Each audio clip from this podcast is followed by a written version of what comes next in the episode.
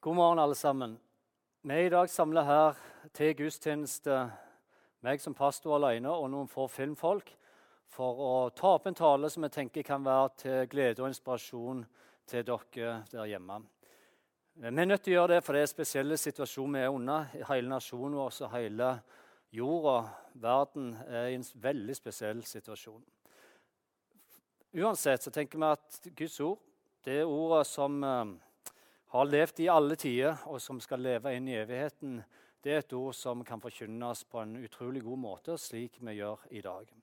Så er du der, sitter du på andre sida, om det er framfor en telefon eller framfor en PC, så ønsker jeg bare å si Guds velsignelse før vi begynner. Og så håper jeg at dette ordet her er et godt ord til deg inn i disse dagene vi er i nå. Guds velsignelse. Om en leser historien om eh, Jesus, de som handler om Jesus, hvordan Jesus valgte å leve sitt liv, og hvordan han møtte mennesker, så var det ikke uvanlig at folk på den tida stilte spørsmålet hvem er i grunnen den mannen der? De visste at han var sønn av Josef, de visste at Maria var mora, og de visste at han drev med snekkerarbeid. Når Jesus begynte i tjenesten sin, så var det mange mennesker som begynte å stille spørsmål. Fordi det var noe med Jesus og måten han sa ting på, lærte ting og gjorde ting som forundra hele mennesket på den tida. Om det var fariseere, om det var syndere, om det var tolleren, en vanlig mann i gata, kvinnene eller de som ingen rettigheter hadde, så var de forundra over Jesus' sin lære om måten han var på. Det var noe med kulturen på den tida som var imot det som Jesus kom med. Det var noe med hele kulturen som gjorde at Jesus kom inn som en kniv i varmt smør og skilte og satt noe som rett og noe som galt. Det var noe med den mannen som gjorde at folk stilte spørsmålet hvem er i grunnen den mannen der. Det vi vet om han, er at han ble henrettet på et kors. Men hva er det i grunnen med dette korset nå i dag? Siden korset nå, 2000 år ennå, ennå er det mest kjente symbolet på jorda. Ikke noen symbol pryder så mye som dette symbolet her, korset. Du har det på alle gravsteder. du er i smykke, bilder og utforminger, ulike sammenhenger, og korset blir brukt som et symbol. Et kors, men hvorfor? Jo, fordi det var en gang en mann som het Jesus, som valgte å dø sjøl på et sånt kors.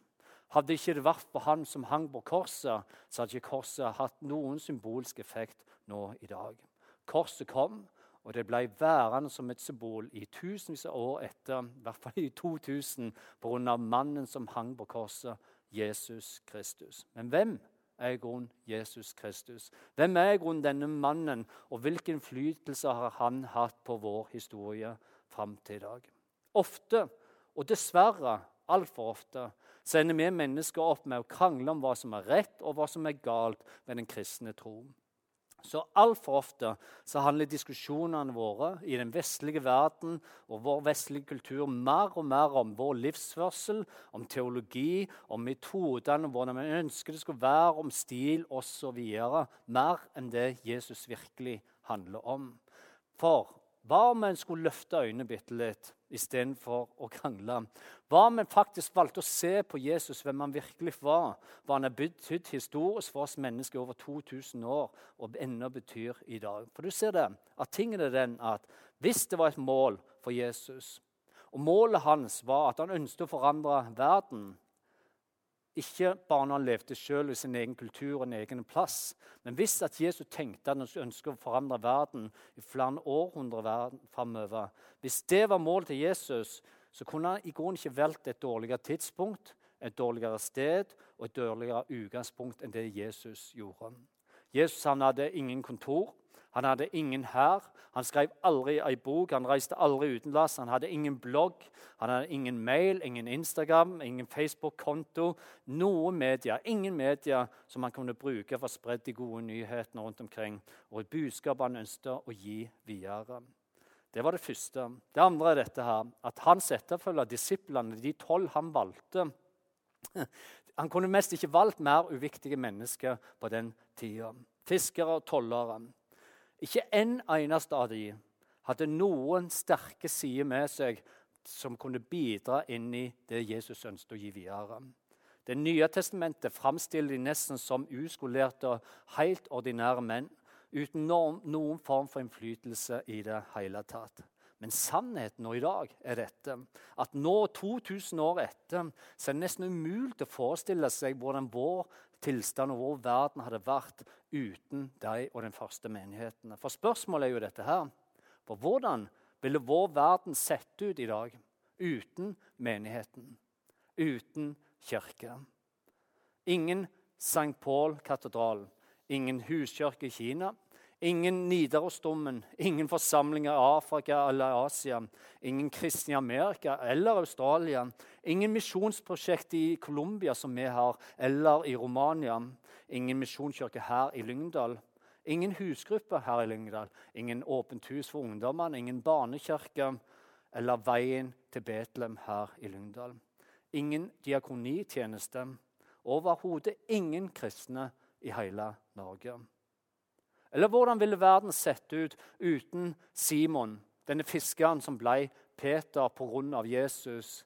Eller Saulus, som ble Paulus ene alene pga. møtet med Jesus? Hvordan ville den verden sett ut uten Timoteus, Augustin, mor Teresa, Martin Luther, Jean Diarc, Desmond Tutu eller Martin Luther King?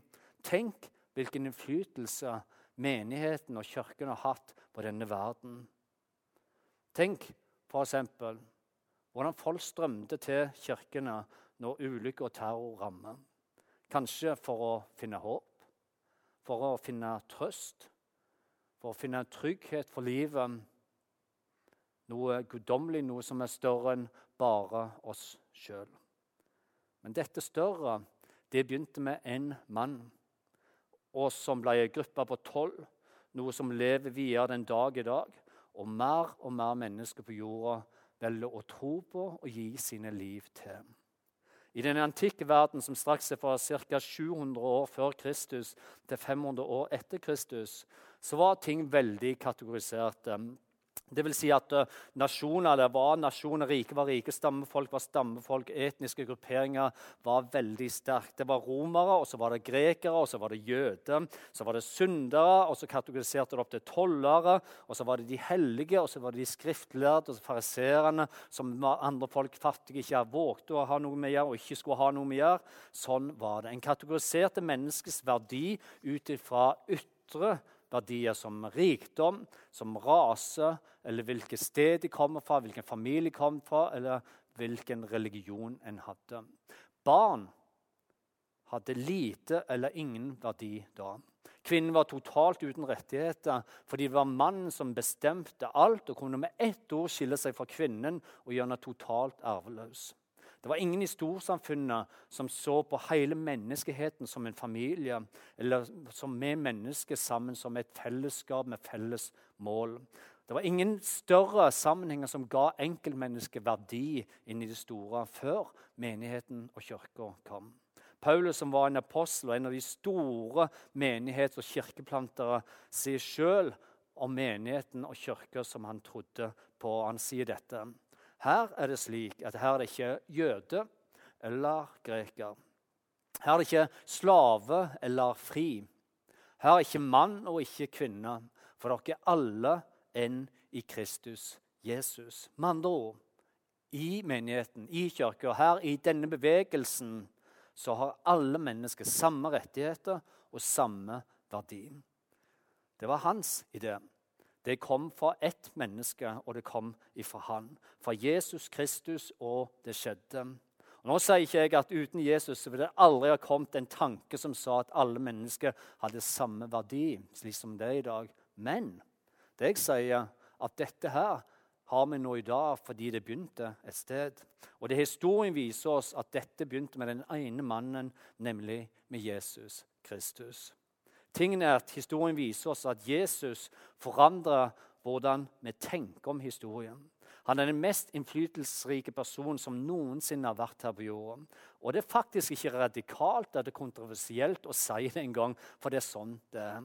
Du trenger overhodet ikke være kristen engang for å si det om Jesus Kristus. For hvor mange er det i grunnen av alle de milliarder mennesker som har levd på jorda? Hvor mange er det av alle de kjente, de rike, populære, sterke krigførere, konger og herskere? Av alle disse personlighetene som har levd som vi kjenner til, hvor mange er det i grunnen som har endret hele vår tidsregning? Og ved sin fødsel gjorde det slik at tidsregningen igjen starta på null. Hvor mange? Jo, én. Eller hvor mange kjenner du? Hvor mange er det som døde for flere generasjoner siden, men som ennå feirer i bursdagen til? Kan du gi meg ett navn på det? Hvert eneste år feirer i bursdagen over hele jorda. Hvor mange er vi gjør det for? Vel, Vi snakker ikke bare noen generasjoner tilbake, vi snakker faktisk 2000 år tilbake i tid. Og vi snakker kun om én mann vi ennå gjør det for. Allikevel så feirer vi bursdagen sann 2000 år etterpå over hele jorda. Og hva mange vi gjør dette for? Jo, en eneste en. Og hvorfor ham? Hva er det med denne mannen som gjør at vi ennå den dag i dag feirer hans dag? Hvert eneste år over hele jorda så feirer vi bursdagen hans. Vi har alle hørt om det romerske riket. Ja, vi har hørt om Julius Cæsar. Men aldri i sin villeste fantasi så ville Julius Cæsar eller noen andre keisere se for seg at det skulle komme en fra byen Nasaret, en som skulle fødes inn i stall i byen Betlehem av ei fattig tenåringsmor som igjen måtte flykte til Egypt for å skjule seg i byen til Nasaret når de kom tilbake igjen. Aldri så disse for seg at han skulle bli omtalt som Herrenes herre og kongenes konge. Men Jesus sine etterfølgere de visste det. Og Når Johannes skulle skrive om Jesus, Johannes disippelen, så skriver han dette her. Men lammet, altså som et bilde på Jesus, lammet Jesus, er Herrens herre, og han er kongens konge, og han skal seire over deg sammen med sine, de kalte, de utvalgte og de trofaste. Og Det Johannes skriver her, er dette her. Ta alle kongene som har levd. Ta alle herskerne som noensinne har levd, og sett de ved siden av dem på ei rekke, alle sammen. Med all deres makt og med all deres virke så vil det allikevel være sånn at det finnes en som er kongenes konge, en som er herrenes herre. Du ser det at Når Johannes skrev dette, her, så hørtes det helt merkelig ut. Og rett og slett kanskje litt latterlig ut. For Jesus var ikke i nærheten av det Julius Cæsar var, eller keiseren var på den tida. Jesus var ikke i nærheten av deres makt. Når Johannes skriver dette, så hadde Jesus bare en håndfull etterfølgere som var forfulgt. om. De var spredt ut overalt. Og Hvis du og meg hadde levd tilbake på den tida der Johannes skriver dette, her, og vi skulle sette pengene våre på hvem som skulle få den største innflytelsen framover, Jesus Kristus eller Romerriket, så kan jeg love deg at sjansen er rimelig stor for at vi aldri hadde satt pengene våre på Jesus Kristus. Men i dag, nå 2000 år seinere, så er situasjonen en helt annen. For nå i dag så er det sånn at vi kaller barna våre opp etter Jesus sine etterfølgere. etter de tolv. Vi kaller dem for Andreas, Simon, for Peter, Thomas, ja, Maria òg, og Johannes. Mens vi kaller kjæledyret våre og hundene våre opp etter Cæsar, Jupiter og Nero. Keiser Augustus kanskje den mektigste av alle keisere. Han husker vi, og han vet vi hvem er i dag. Men hvorfor kjenner vi navnet til keiser Augustus? Jo, fordi når vi leser juleevangeliet hvert eneste år, så leser vi dette.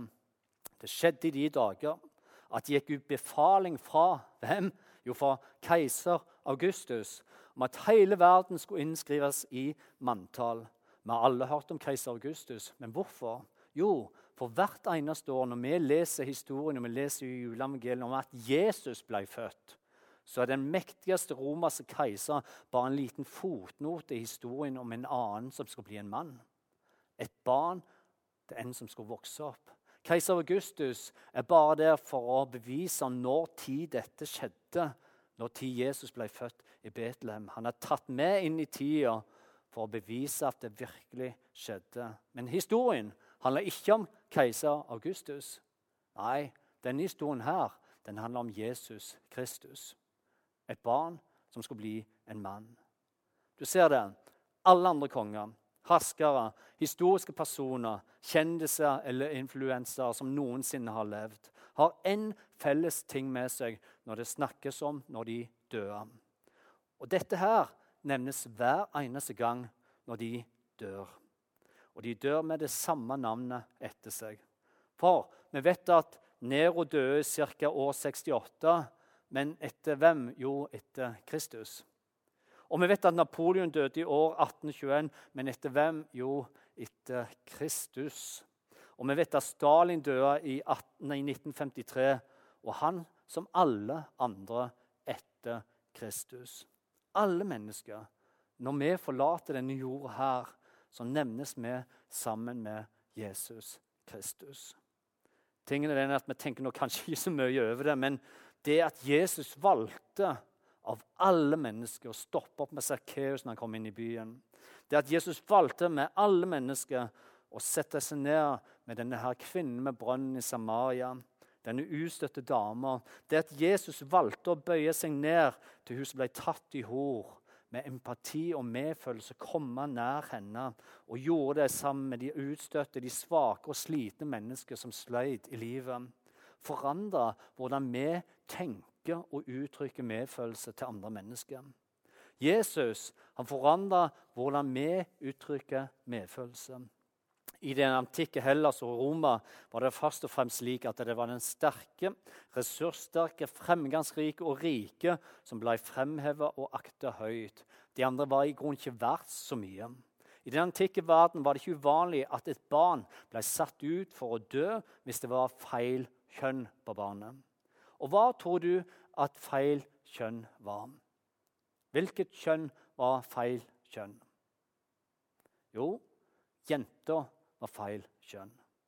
Men hvorfor vet vi den dag i dag at jenter var i grunnen et feil kjønn?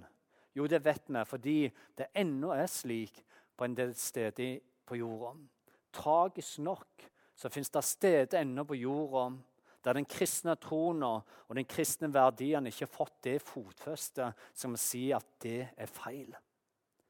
I den antikke verden så for hver en million jenter så var det 1,4 millioner gutter. Og Grunnen til dette var at ca. 400 000 jenter bare forsvant. Ble lagt ut for å dø. Men dette her skulle snart endre seg. Og ikke ved en tilfeldighet, men fordi det var ei lita gruppe som husker hva mesteren hadde sagt til det, ei gruppe som også ble kalt for menigheten. Og Selv om han nok sjokkerte hele kulturen Jesus når han sa dette, og han stoppet opp alt som sier Jesus dette, la de små barn komme til meg, og hindre det ikke, for Guds rike tilhører slike som den. Ja, sannelig, jeg sier dere, den som ikke tar imot Guds rike slik som et lite barn skal ikke komme inn i dem. Og han tok de inntil seg, og han la hendene på dem, og han velsigna barna. Du ser det, at På den tida så var det ikke uvanlig i flere land og distrikt å legge ut et uønska barn langs veikanten for at det skulle dø.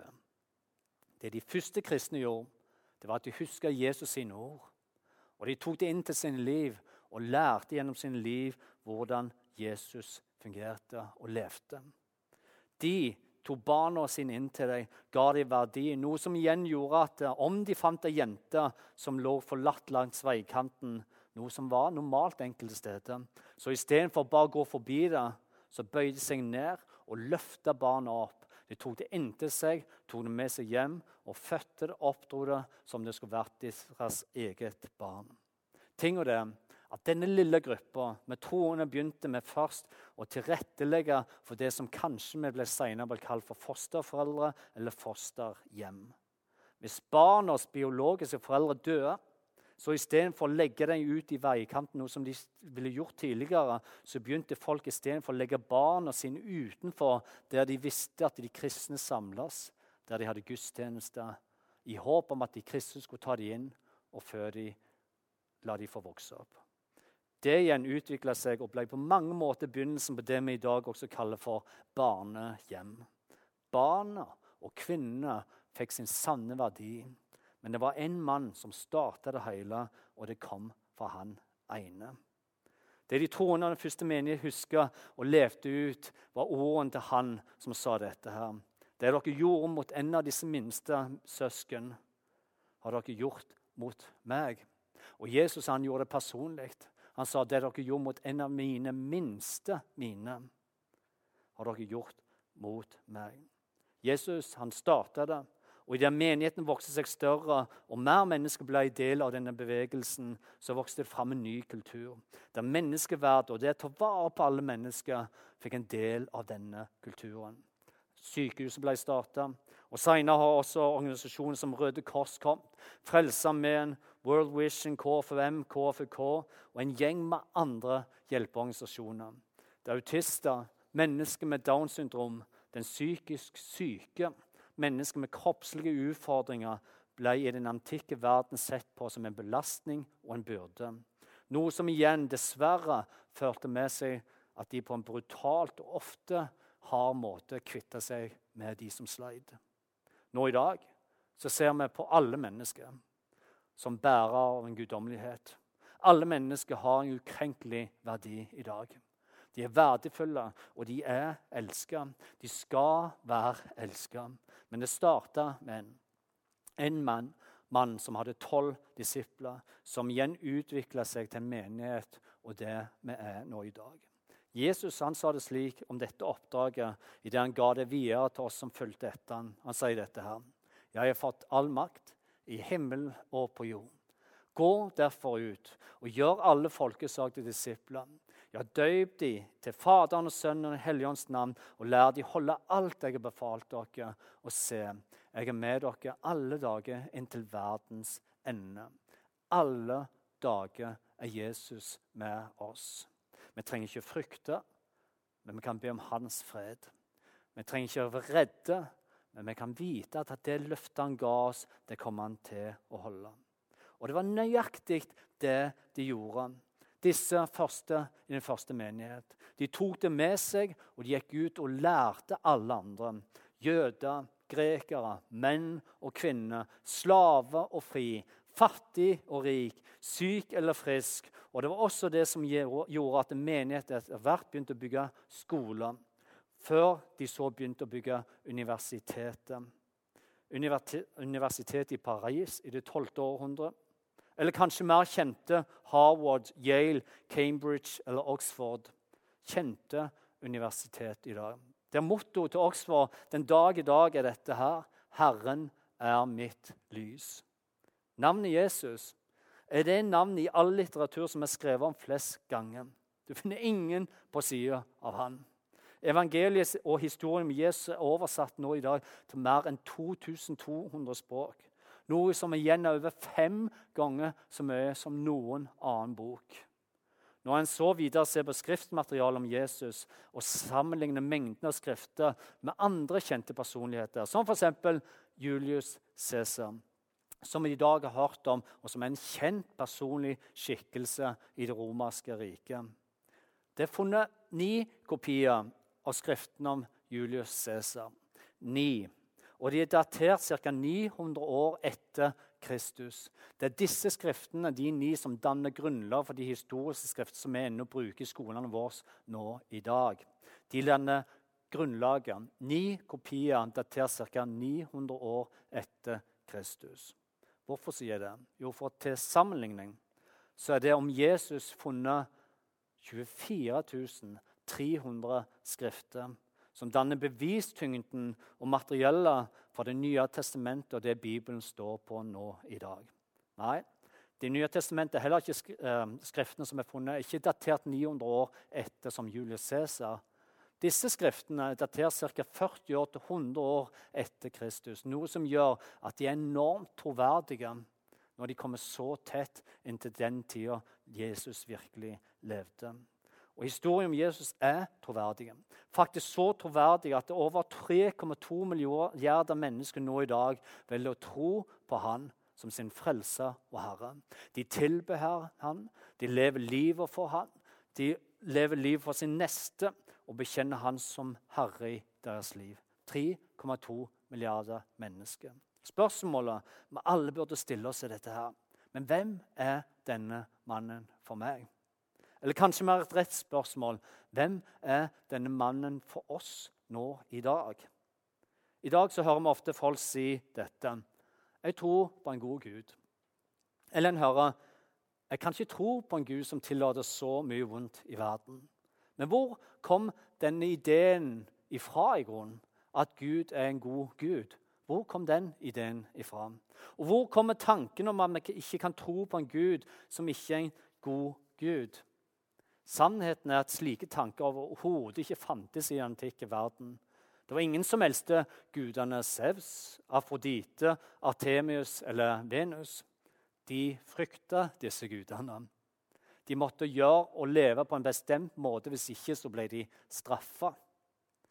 Når Jesus kom, og det Jesus kom med, var en helt annen lære. Han fortalte om en kjærlig, om en god Gud. Om en far som elsker alle sine barn, og som ville bli elska tilbake. Det var en kjærlighet som kunne forandre alle ting. En fars kjærlighet der vi fikk del i pga. nåden, en ufortjent nåde. En selvoppofrende kjærlighet, en kjærlighet av en far som gir. Det Jesus underviste, var at vi skulle elske vår fiende pga. denne kjærligheten som vi selv har fått del i. Noe som gikk helt på tvers av det den antikke kulturens lære sa. Idealet i den antikke verden var du hjelper vennene dine, men du skader fiendene dine.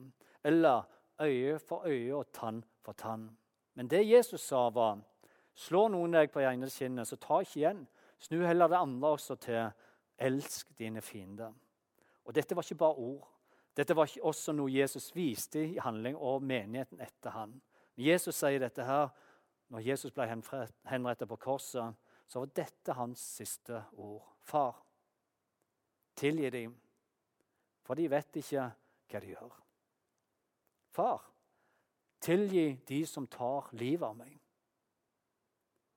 Og Jesus sin etterfølger fulgte etter Jesus. I den første kristne kirke så var det en enorm forfølgelse. Kristne ble drept for fote. Keiser Nero dynka de kristne i tjære og brukte de som levende fakler. Men når de ble drept, når de ble torturert, så søkte de ikke hevn, men de møtte sine fiender med kjærlighet og godhet. Og Folk begynte etter hvert å spørre hva er det med disse folka. Jo mer de lider, jo mer elsker de oss. Hva er det som fyller deres hjerte og tanker? Hvilken kjærlighet er det? Jaroslav Pelikan, som er historiker, professor og en høyt akta teolog, som har skrevet over 30 bøker, han skriver om Jesus at uansett hva noen personlighet mener eller tenker eller tror om ham, så har Jesus fra Nasaret vært den mest dominerende skikkelen i historien til den vestlige kulturen i nesten 20 århundrer. Hvis det var mulig, med en slags supermagnet, å trekke opp, opp og ut av historien hvert skrap av metall som bærer minst ett spor av hans navn, hvor mye ville det da vært igjen? Og En må spørre seg sjøl dette. Uansett hva man mener og tenker om religion eller tanker om evighet, om Gud eller hva det er. Bare det å vite at han har levd, noe som er bevist, ikke bare gjennom Bibelen, men andre skrifter. Bare det å høre alle historiene om han, Du trenger ikke lese Bibelen, det fins andre skrifter også om Jesus. Bare hørt alle disse historiene. Bare det å vite at det er så overveldende mengde med skriftlige bevis, og at ingen andre som noensinne har levd, har slik et ettermæle og en slik påvirkning den dag i dag på jorda. Han alene ga barna, kvinnene, det ufødte liv, den funksjonshemma, samme verdi som alle andre. Ja, Jesus, selv om han døde på et kors alene, fordi alle hadde stukket av og gjemt seg.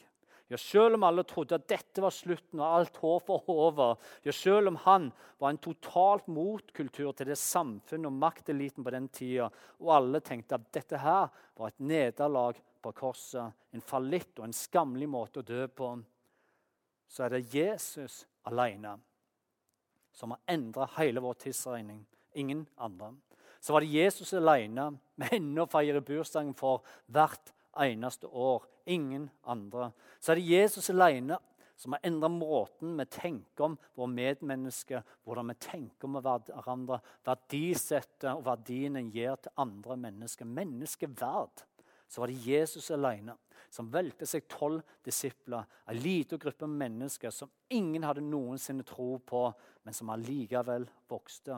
Ja, så er det Jesus alene og ingen andre som har 3,2 milliarder mennesker den dag i dag som velger å tro på ham og velger å følge ham. Ja, så er det Jesus og Jesus alene som er verdens lys, som er vårt håp. Han er den eneste veien til evig liv og en himmel for alle mennesker. Du ser det, Vi har så lett for å henge oss opp i dagsaktuelle ting. Og det er naturlig når vi opplever ting som vi gjør nå i dag.